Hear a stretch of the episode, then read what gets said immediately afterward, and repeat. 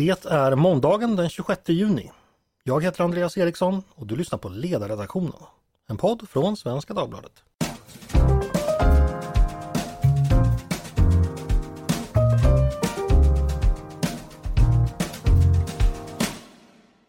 Varmt välkomna till en ny vecka med Ledarredaktionen. Det blev ju en dramatisk midsommarhelg i Ryssland. Det vet ni nog alla om. För medan vi här i Sverige satt och mumsade sill, färskpotatis och jordgubbar och så småningom vårdade våra bakfyllor så gjorde Wagnerledaren Jevgenij Prigozjin eh, och hans styrkor uppror. Eh, plötsligt befann sig den privata Wagnergruppen på väg mot Moskva. Putin höll ett skarpt tal där han kallade det hela för ett väpnat myteri och lovade ett hårt svar där upprorsmakarna skulle straffas. Eh, Wagner intog utan förluster städerna Rostov-Vidon och Voronezh och befann sig på lördagskvällen bara några timmars färd från Moskva eh, varifrån det rapporterades att vägar spärrades av och andra åtgärder för motåtgärder förbereddes. Det genomfördes också luftanfall mot den här Wagnerkonvojen som då bekämpades med luftvärn då flera helikoptrar ska ha skjutits ner.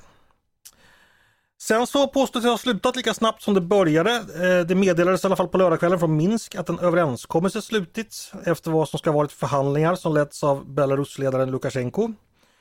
Prigozjin förklarade från sitt håll att marschen mot Moskva avbrutits för att undvika blodspillan. Och senare meddelades det från Kreml att Prigozjin ska ha flyttat till Minsk och att utredningen mot honom skulle läggas ner. Det är en uppgift som för övrigt dementerades så sent som tidigare idag. Eh, Prigozjin själv har, har, inte kommenterat något av detta och verkar inte ha hört av sig vad jag vet eh, sedan han meddelade att marschen mot Moskva avbrutits. Ja, det här var ett kort referat av vad som inträffade eh, i helgen, i alla fall de delar jag har begripit. Eh, händelseutvecklingen har ju varit snabb. Och det saknas förstås många pusselbitar i den här bilden, eh, vilket har lett till många spekulationer. Och jag misstänker att många av er som lyssnar är lika förvirrade som jag är och gärna vill förstå mer av de här märkliga dagarna. Och med mig för att reda ut detta, åtminstone något av allt detta, har jag två gäster. Båda välbekanta för er som har lyssnat på den tidigare. Fredrik Löjdqvist, diplomat med lång karriär i UD bakom sig, numera chef eh, för Centrum för Östeuropastudier. Varmt välkommen hit igen Fredrik! Tack så mycket Andreas! Och så min kollega Olof Erekrona, vår utrikespolitiska nestor på redaktionen. Varmt välkommen du också Olof! Tack, tack! Jag tänkte börja med dig faktiskt Olof. Du fick ju rycka in i helgen och snabbskriva en ledare som publicerades på nätet redan i lördags eh, under de timmar då utvecklingen var, var så snabbast. Hur var läget egentligen, egentligen i, i lördags när du satt och skrev? Kunde man dra några slutsatser redan då? Hur har de stått sig över helgen? Eh, ja, eh, så tillvida är det ju alldeles klart att det här är en fortsättning på en utveckling som har pågått under längre tid. Och eh, ursprunget är ju Putins acceptans av privatarméer i, i Ryssland som går parallellt då med säkerhetsorganen, eh, inrikestrupperna och eh, eh, den reguljära armén. Och Wagnergruppen har ju satts in då i, på olika ställen där man har velat stjäla naturtillgångar från afrikanska länder, man har velat begå fruktansvärda övergrepp i Sy Syrien utan att det ska vara så att säga, kopplat direkt till den ryska armén. Överhuvudtaget en massa smutsiga uppdrag som Wagner-trupperna fått göra. Nu kommer sen då kriget i Ukraina och eh, Putin har ju då använt sig av Wagnergruppen också och Prigozjin. Och Prigozjin hade ju fått ett lukrativt kontrakt för att leverera nödproviant till den ryska armén. Det visade sig att den var och titeln datumstämpeln hade gått ut för flera år sedan. Men han hade gjort sig en rejäl hacka naturligtvis på den leveransen. Så han är ju en del av det här korrupta nätverket som finns kring Putin. Och eh, en eh, viktig aspekt på det är ju att det har handlat om att, så att säga, marginalisera eller passivisera de riktiga institutionerna i det ryska samhället. Så att på det viset så, det som hände då i lördags, det var ju förutsägbart. Någon gång skulle någon av privatarméerna revoltera och någon gång skulle det här inträffa. Och det då, var då den hittillsvarande kurvan på en lång utveckling. Men en fullständigt logisk följd av Putins egna dispositioner och det faktum att kretsen kring honom i den mån de har velat inte har kunnat eh, så att säga stoppa Putin för att leverera sin kompis korvgubben från Sankt Petersburg som en, en, en ledare för, för smutsiga uppdrag. Och, och eh, där är vi nu, men man måste ha klart för sig också. Det här är ju en funktion av Ukrainas motstånd. Hade Ukraina inte kämpat som man hade gjort, som man har gjort under det här dryga året, så hade kanske den här utlösningen då inte kommit. Utan eh, Ukraina är en del av det händelseförlopp som, som vi nu har sett skaka Moskva i sina grundvalar. Och det är klart att ovanpå alla militära misslyckanden så kommer nu ett politiskt misslyckande av enorma dimensioner för Putin och Putins krets. Mm. Och det, det är ju det som är det, är det viktigaste som har hänt. Men kriget fortsätter. Just det. Say hello to a new era of mental health care. Cerebral is here to help you achieve your mental wellness goals with professional therapy and medication management support. 100% online. You'll experience the all new Cerebral Way, an innovative approach to mental wellness designed around you. You'll get a personalized treatment plan from a therapist, prescriber, or both in a safe and judgment free space. Your cerebral therapist or prescriber will outline a customized plan with clear milestones along the way so you can get to feeling your best. With Cerebral, you're not alone in your mental health journey. We're here to empower you to live a fulfilling life. So take that first step towards a brighter future and sign up today at cerebral.com slash podcast and use code ACasts to get 15% off your first month. Offer only valid on monthly plans. Other exclusions may apply. Offer ends July 31st, 2024. See site for details. Eh, jag ska släppa in Fredrik här bara, för, för som Olof antydde så finns det ju en lång förhistoria här då irritation och, och mellan Wagnergruppen och, och, andra krafter i det ryska samhället har, har funnits under en längre tid. Och eh, utgångspunkten då som, som Prigozjin påstod det var ju då att de reguljära ryska trupperna hade beskjutit Wagnergruppen. Fredrik, kan du berätta lite om, Wagnergruppen och, och Prigozjin i synnerhet? Vilken hur ser historien ut där och vilken roll spelar de i, i Ryssland? Ja, alltså, Olof har ju berört eh, mycket av det där. Vi ska komma ihåg att Wagnergruppen är ju en är en produkt av det nuvarande systemet. Eh, det här är ju någonting som inte bara har accepterats utan i, i någon mån har tillskapats eh, av, av Putin-systemet och av, av försvarsministeriet och av, av den militära underrättelse och säkerhetstjänsten, GRU. Eh, och de har ju, som Olof eh, sa här, varit inblandade då i olika uppdrag där den här typen av legoknektar är, är användbara. Eh, för att på grund av att de är förnekbara, de är billiga, man behöver inte bry sig om om de dör eh, och de kan också användas av mer hänsynslösa metoder och så vidare. Eh, och, och, till den lista som Olof räknade upp, inklusive Syrien och, och olika håll i Afrika, så eh, finns ju också uppgifter att, att Wagnergruppen var involverad i, i alltså de här trollfabrikerna, desinformationskampanjerna eh, som riktade till, eh, inte minst det som är mest kända då i amerikanska valrörelsen eh, 2016. Så det här är ju liksom inget oberoende maktcentrum som, som liksom oberoende av systemet har, har tillåtits växa fram, utan det här är liksom en produkt av systemet. Prigozjin har ju varit företagsam eh, Eh, och, och förstås pådrivande och testat gränserna eh, hur långt han kan gå hela tiden, för att han vet ju att han har eh, tillhanda, tillhandahållit värdefulla tjänster för systemet och regimen. Eh, eh, och möjligtvis så har det här låtit eh, honom stiga åt huvudet eh, eh några gånger. Och vi såg ju att, att det senaste tjänsten han gjorde det var ju kring Mahmoud där så att säga det var eh, Wagner eh, legoknektar som sålde eh, eh slåss och framförallt alltså många då som man hade tagit från, inte bara från gatan utan från fängelse. Eh, sjuka, eh, djupt kriminella, eh, psykotiska människor och andra som, som mejades ner i, i Bachmut. Eh, och det var ju förstås bra för den ryska försvarsmakten eh, därför att då kunde de ordinära ryska soldaterna vila och träna och träna upp eh, medan Wagner eh, eh mejades ner. Eh, och ena sidan så har ju Wagner och Prigozjin haft stöd inifrån försvarsministeriet. Eh, han har bland annat en tidigare biträdande försvarsminister, som en, eller biträdande generalstabschef som en, en nära medarbetare, general och andra. Och det har nog funnits delade känslor inom den ryska, de ryska väpnade styrkorna. En del tycker nog att Prigozjin har varit bra, har sagt sanningar som man eh, egentligen själv har velat säga. Eh, eh Medan andra har upplevt de här som problematiska därför att de har inte eh, liksom ingått i den normala befälsordningen och disciplin och så vidare. Eh, och det här har då gått upp och ner över tid eh, och eh, Prigozjin utmanade mer och mer och han har framförallt riktat in sig på försvarsministern Shoigu och eh, generalstabschefen Gerasimov som, som sina eh, Betnoirs huvudfiender. För att de inte har varit tillräckligt, för att de inte har stött Eh, eh, eh, Wagner tillräckligt och för att de inte varit tillräckligt hårdföra i, i, i krigföringen eh, i Ukraina. Um, Eh, och det här eskalerade och det ledde då till att det var väl den 10 juni tror jag så gick det ut ett dekret att alla irreguljära förband skulle då inordnas av försvarsministeriet eh, eh, och, och de väpnade styrkorna eh, och det eh, vägrade Prigozjin.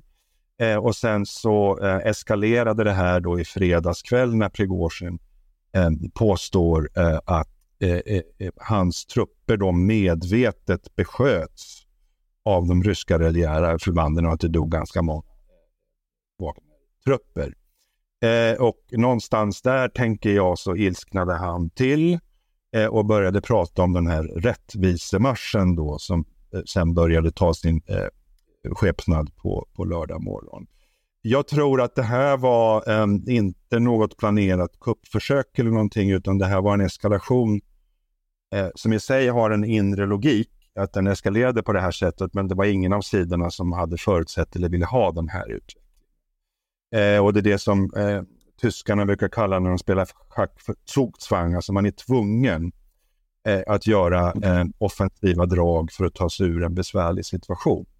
Eh, och, då, och Putin gick också ut på, i, i lördags förmiddag och kallade eh, Prigozjin för förrädare och förrädare, att vara landsförrädare det är ju liktydigt med, med en dödsdom eh, i, i, i det ryska systemet. Så jag tror att han då trodde att anfall var bästa försvar.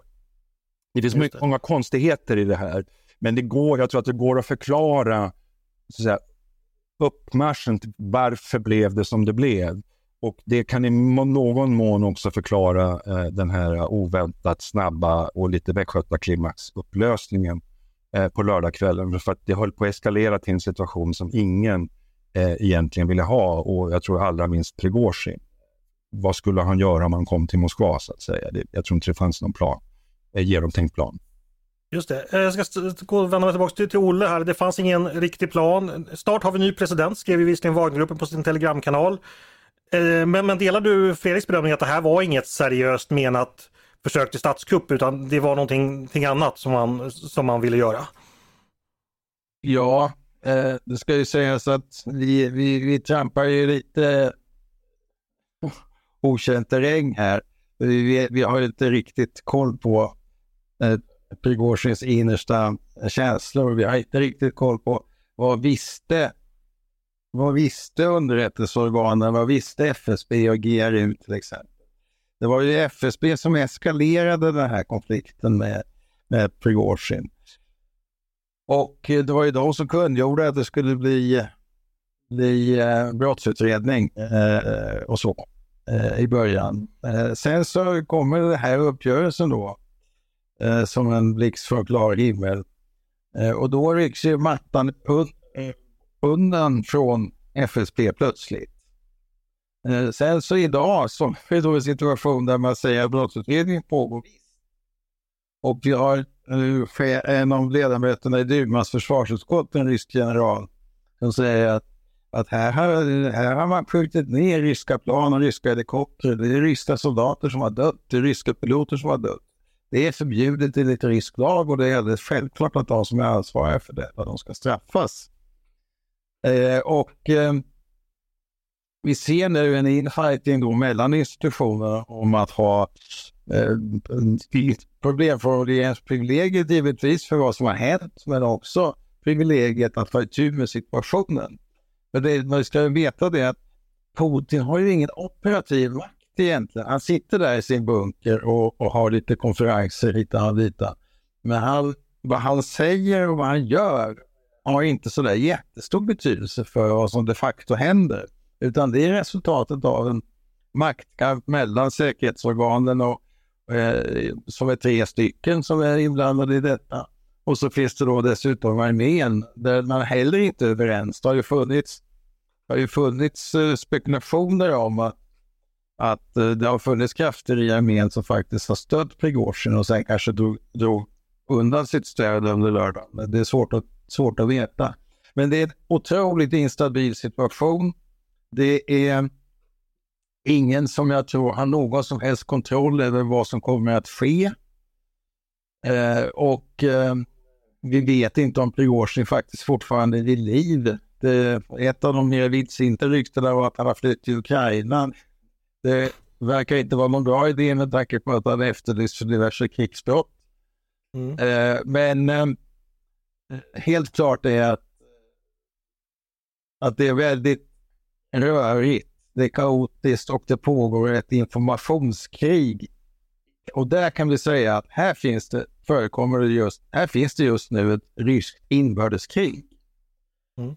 Eh, sen ska vi vara medvetna om att både Ukrainas underrättelsetjänst har väldigt god koll på vad som händer i, i, i Ryssland och uppenbarligen även den amerikanska underrättelsetjänsten. Man har goda källor så att man, man och man eh, åtminstone från Ukrainas sida ska man ju räkna med att de använder sig av de uppgifterna när, när det passar dem för att ställa till ytterligare oreda i, i orderlinjerna i, i Ryssland. Eh, och jag undrar om man ens har en, en sammanhållen kontroll över strid, striderna med Ukraina längre. Eh, jag undrar om inte det är väldigt nära på central nivå, det som vi kallade för fria kriget när vi, när vi gjorde lumpen i den svenska värnpliktsarmén. Ja, när man övergår till att plutoner och kompanier får sköta sig, sköta sig själva helt enkelt. Ja, man får ta de initiativ man kan och, och, och rädda vad som räddas kan av situationen. Olle, jag har bara en kompletterande fråga. Här. När du sa att Putin inte hade så stor operativ makt. De här säkerhetsstyrkorna som finns, ganska, ganska stora numerärer, det, de står inte direkt under Putins kontroll utan det är någon annan. Vem sköter dem? Ja, det finns ju, det finns ju ett befäl där. Det finns ju befälsordning. De, de är ju, de är ju skapelser från början. Eh, och mm. det, det kallades ju Putins pretoriangarde. Men i realiteten är det ju andra som måste utföra hans mer eller mindre godtyckliga order. Eh, och eh, det, det är oklart om hur, hur lojalt det är. Det, var, det är anmärkningsvärt faktiskt att ingen ställde sig upp till Putins försvar under lördagen. Utom Erdogan, Nordkoreas ledare och Irans ledare.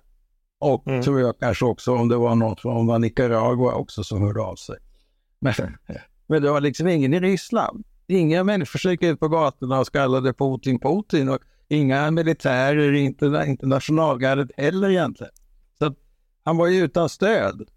Och, och Prigozjin hade väl stöd då i, i trakten av Rostov-Vidon. Eh, men eh, hur det var i övrigt är ytterligt oklart. Hörrni, jag måste bara skjuta in en fråga här. För att som vanligt när det gäller Ryssland, då brukar jag ofta fråga mig så här. Finns det något drag av någon sorts vilseledning eller maskerovka här att saker sker som egentligen inte sker?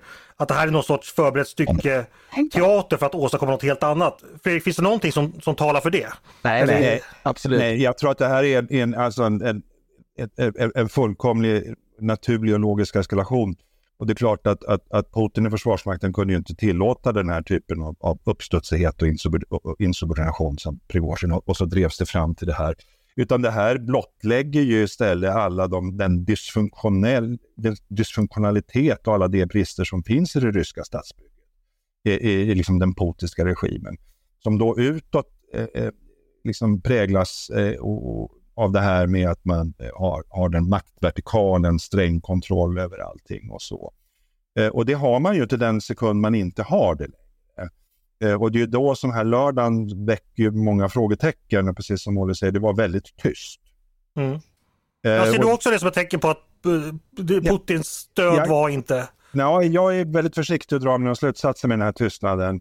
Eh, för det, men, men det är kanske många som hedgar alltså, och, och in, inte i onödan vill gå ut och ta sida e-, eller, eller bekänna affär. Eh, eh, men jag tror inte, eh, och, och, vad det här har visat också, det har ju hela tiden funnits den här bilden att eh, och inte minst i västliga huvudstäder att man får absolut inte förnedra Putin. Eh, man får inte trycka in honom i ett hörn därför att då blir han väldigt farlig och eskalerar och så.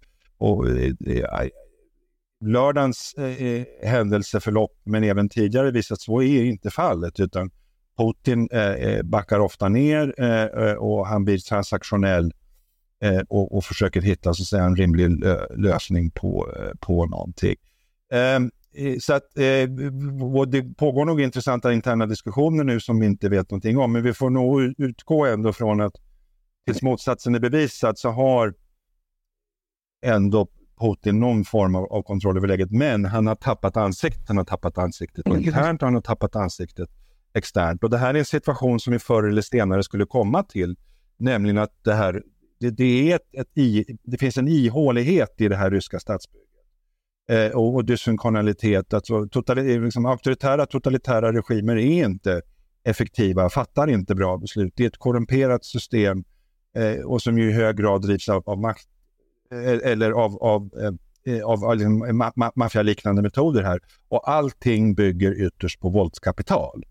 Eh, eh, och, och beredskapen att använda det. Och samtidigt så tror jag att det finns en väldigt stor oro och rädsla också i den ryska befolkningen då för, för inbördeskrig och eh, kaos och oro.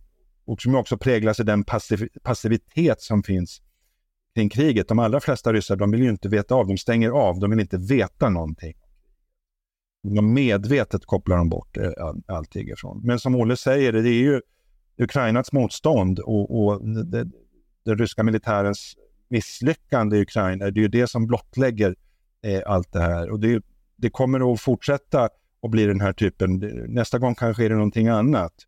Eh, men det kommer att vara oförutsägbara händelser som utlöser oförutsägbara händelseförlopp och som kan gå ganska snabbt. Eh, eh och det är väl det vi får förbereda oss på så att säga. Eh, Fredrik, det här som Olle tar upp att det, vad vet vi om kriget mot Ukraina som då är då ändå huvudsaken här. Att, hur påverkas det av de här händelserna och den här turbulensen? Ja, just nu och hittills verkar det inte ha påverkat någonting. Eh, eh, och sen är man ju också i, man är i försvarspositioner, alltså det, det pågår ju inte några aktiva ryska offensiver eller någonting utan man är ju nedgrävda för ett, för ett, eh, ett, ett försvarskrig.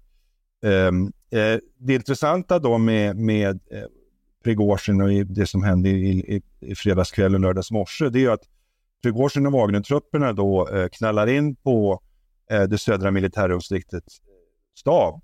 Eh, vilket ju inte bara är södra militärdistriktets stab utan det är också vad vi antar staben för liksom, Ukraina-operation. Mm. Och där sitter i rummet då med Prigozjin sitt en biträdande generalstabschef, en biträdande försvarsminister och ser lätt motstulna ut. Eh, vi vet inte, men det är förmodligen rimligt att tro att Storavikin, eh, alltså den som har det övergripande liksom, operativa ansvaret för, för kriget mot Ukraina, också var där. Det vet vi inte riktigt. Jag har i varje fall inte sett några uppgifter om det. Men det ska vi komma ihåg att de och det var, de togs emot och det ansågs inte vara något konstigt. Men det är ju därför att Wagnertrupperna har ju liksom varit en del av, av Försvarsmakten. Och det var därför att man förstod, man såg inte det här som ett kuppförsök utan det var eh, ett, ett, ett missnöje som delvis kunde förklaras av, av stridskompisar som, som klampade in där och sen så eskalerade det till, till men på sikt, alltså jag tror inte på kort sikt, men på, på, på, på längre sikt så självklart, det här urholkar ju stridsmoralen Eh, ryssarna vet ju inte vad de slåss för, vilket ukrainarna gör. Eh, ehm, eh, eh, och som sagt var, det finns nog många som har tyckt att, att Prigozjin har, har varit bra. Han är en skurk. Eh, det, alltså, de, har ju gjort sig, de är ansvariga för fruktansvärda krigsbrott. Eh, eh, och, och de, den här, alltså släggan har ju deras blivit deras symbol då, att man slår ihjäl desertörer eller folk som försöker fly från slagfältet man slår ihjäl dem enkelt med, med släggor. Det är det som har som blivit mm. kännetecken. Samtidigt så sa han ju då, har han ju sagt saker om att systemet är korrupt och, och, och, så vidare. Men det han sa också här nu i helgen, eh, det var ju eh, att han hade mer eller mindre rätt i sa att, att, att kriget mot Ukraina är ett misstag.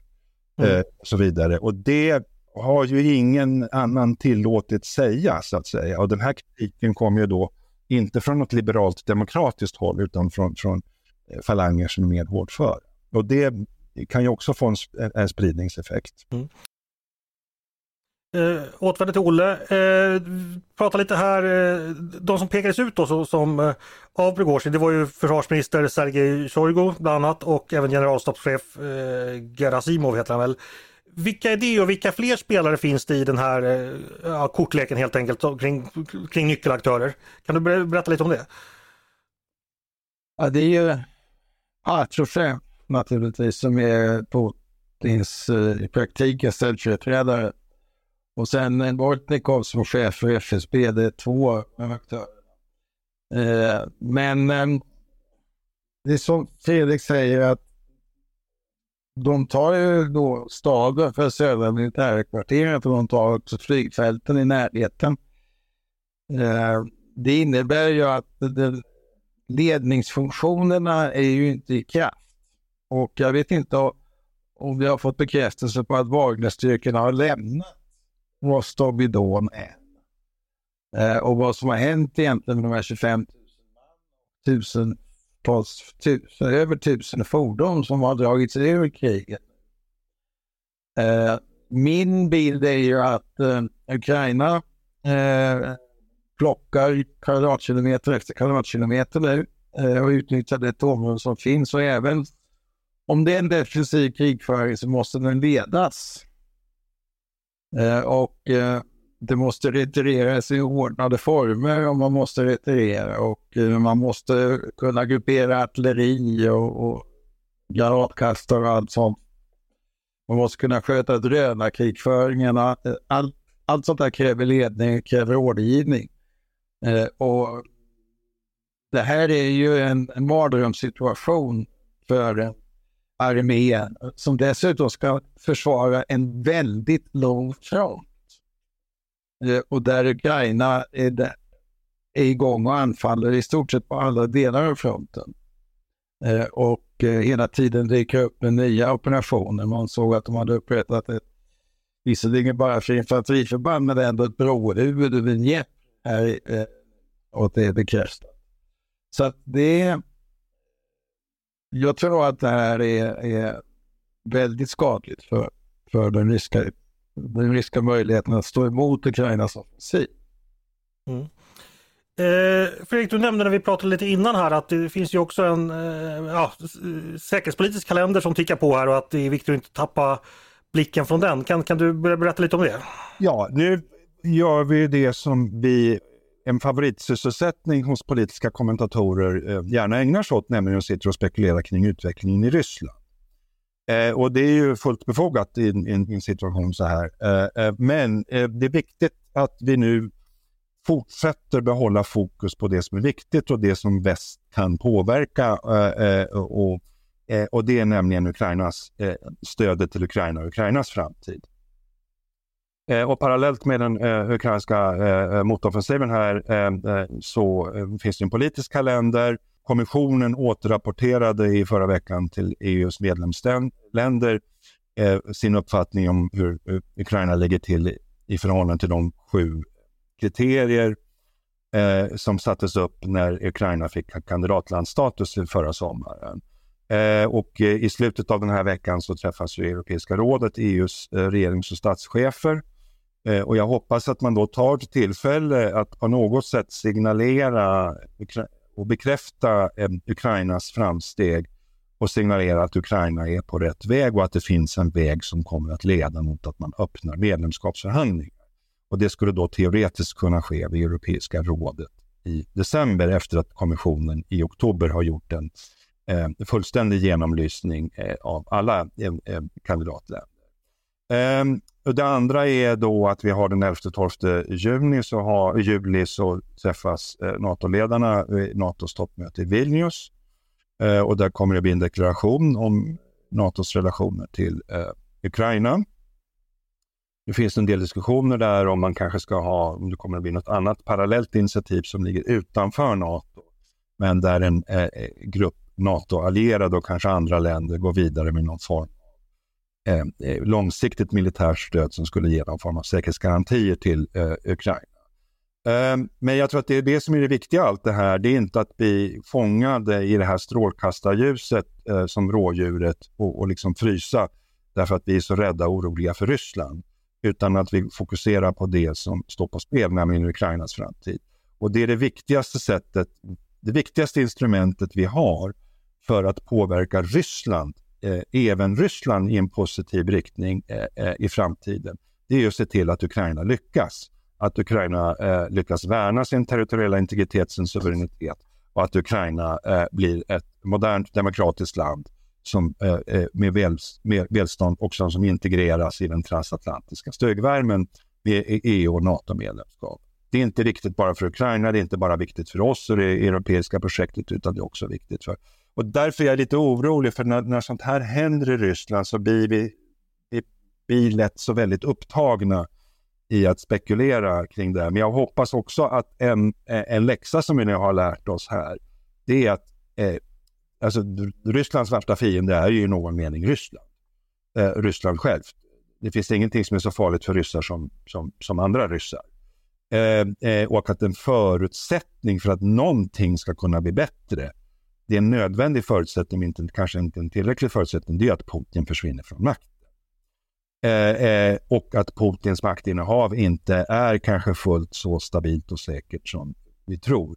Men det kan också finnas en risk här att, att väst, eh, västpolitiker blir lite rädda här och tänker att vi vet vad vi har och, eh, och Putin känns ju som ett bättre kort än, än, än Prigozjin och då tror jag det är en väldigt farlig slutsats för att det är Putin som är upphov till allt det här. Eh, eh, till den interna repressionen som är totalitär. Ett, ett, eh, en politisk ideologi, ett samhällssystem som ju i, i de flesta avseenden måste betecknas som fascistiskt. Och ett eh, mycket blodigt aggressionskrig mot Ukraina eh, som jag och många bedömare menar innehåller ju tydliga tecken på alltså brott mot folkmordskonventionen. Det är det vi... Eh, så att vi, det är viktigt att behålla det större perspektivet här, eh, tycker jag, och det är stödet mot Ukraina. Och här finns det viktiga hållplatser i den, i den politiska kalendern de närmaste veckorna. Mm. Eh, går över till Olle för att summera. Håll ögonen på bollen kan man väl sammanfatta eh, Fredriks budskap här. Vill du utveckla någonting där? Ja, men jag är inte så orolig för att reaktionen i väst blir den som, som, som Fredrik befarar. Jag tror att väst kommer nu att få en ännu mer realistisk uppfattning av hur det verkligen det ryska, det ryska motståndet ser ut. Så här Putin och hans krets. Eh, och ehm, det tror jag är viktigt. Därför att den föreställning som har legat bakom de här så kallade realisterna har ju varit att Ryssland är en stormakt och den, den är, det är enhetligt och det är stort och det måste vi leva med förenligt och, och Ryssland kan inte rubbas och eh, NATO måste eh, iaktta försiktighet mot Ryssland och, och sådär. Alltså, vad det här visar är att eh, den ryska ledningen är en korrupt grupp som har kidnappat landet. Och det, det, de är utsatta för en kapning helt enkelt i cockpiten. Eh, och eh, det finns ingen anledning att lägga fingrarna emellan politiskt när det gäller relationer. Tvärtom, intensifiera eh, sanktioner. Eh, vara var ännu starkare och konsekventa i stödet för Ukraina. Var ännu tydligare med att Ukraina har valt en väg som, som vi uppskattar och som vi gärna hjälper till med att de ska kunna att de ska kunna gå hela den vägen, både i förhållande till EU eh, och det är klart att de här tankarna som har funnits för en del huvudstäder att vi måste, vi måste förhandla med Putin nu och, och vi ska inte förnedra honom. Det där kan man lägga åt sidan. Ryssland hade fått besegra sig själv också tillsammans med Ukraina. Eh, och eh, det är en funktion av institutionellt sönderfall som är orkestrerat av Putin och hans krets därför att det är det sättet på vilket man kan hålla korruptionen gående. Om man inte har några institutioner, om man inte har någon maktdelning utan har en liten tätt sammanhållen krets som utövar godtycklig makt över hela landet, då kan man ha ett, ett sånt här system gåendes under ett antal år. Nu klämtar klockan för Putin och, och den här kretsen det gör det inte lättare att få till stånd ett maktskifte på sitt sätt. Tvärtom, lojaliteten i den här inre kretsen stärks förmodligen. Men hela världen ser när landet trasas sönder. Och jag tror det är viktigt också att tänka på att det finns ett land öster om Ryssland, Kina. Om det är någonting som de tycker illa om så är det krigsherrar. De har en tämligen aktuell erfarenhet av att ha haft sitt land förstört av krigsherrar och de vill inte ha en granne som skapar den eller sprider den smittan till Kina. Så att jag tror att eh, den här långa alliansen, den eviga alliansen mellan Ryssland och Kina, den har fått sig en rejäl knäck också. De här. Okej, då får det bli dagens slutord. Eh, stort tack Fredrik Löjtqvist och eh, Olof Ehrenkrona för att ni gästade podden idag. Tack så mycket! Tack! Tack, tack! Och tack också till er som har lyssnat idag på Ledarredaktionen, en podd från Svenska Dagbladet. Jag hoppas ni blev klokare av de här kloka rösterna. Ni är varmt välkomna att höra av er till redaktionen med tankar och synpunkter på det vi precis diskuterat. Eller om ni har förslag på vad vi borde ta upp i framtiden. Då är det bara att mejla mig på ledarsidan snabla svd.se. Dagens producent, han heter Jesper Sandström. Själv heter jag Andreas Eriksson och jag hoppas att vi hörs snart igen.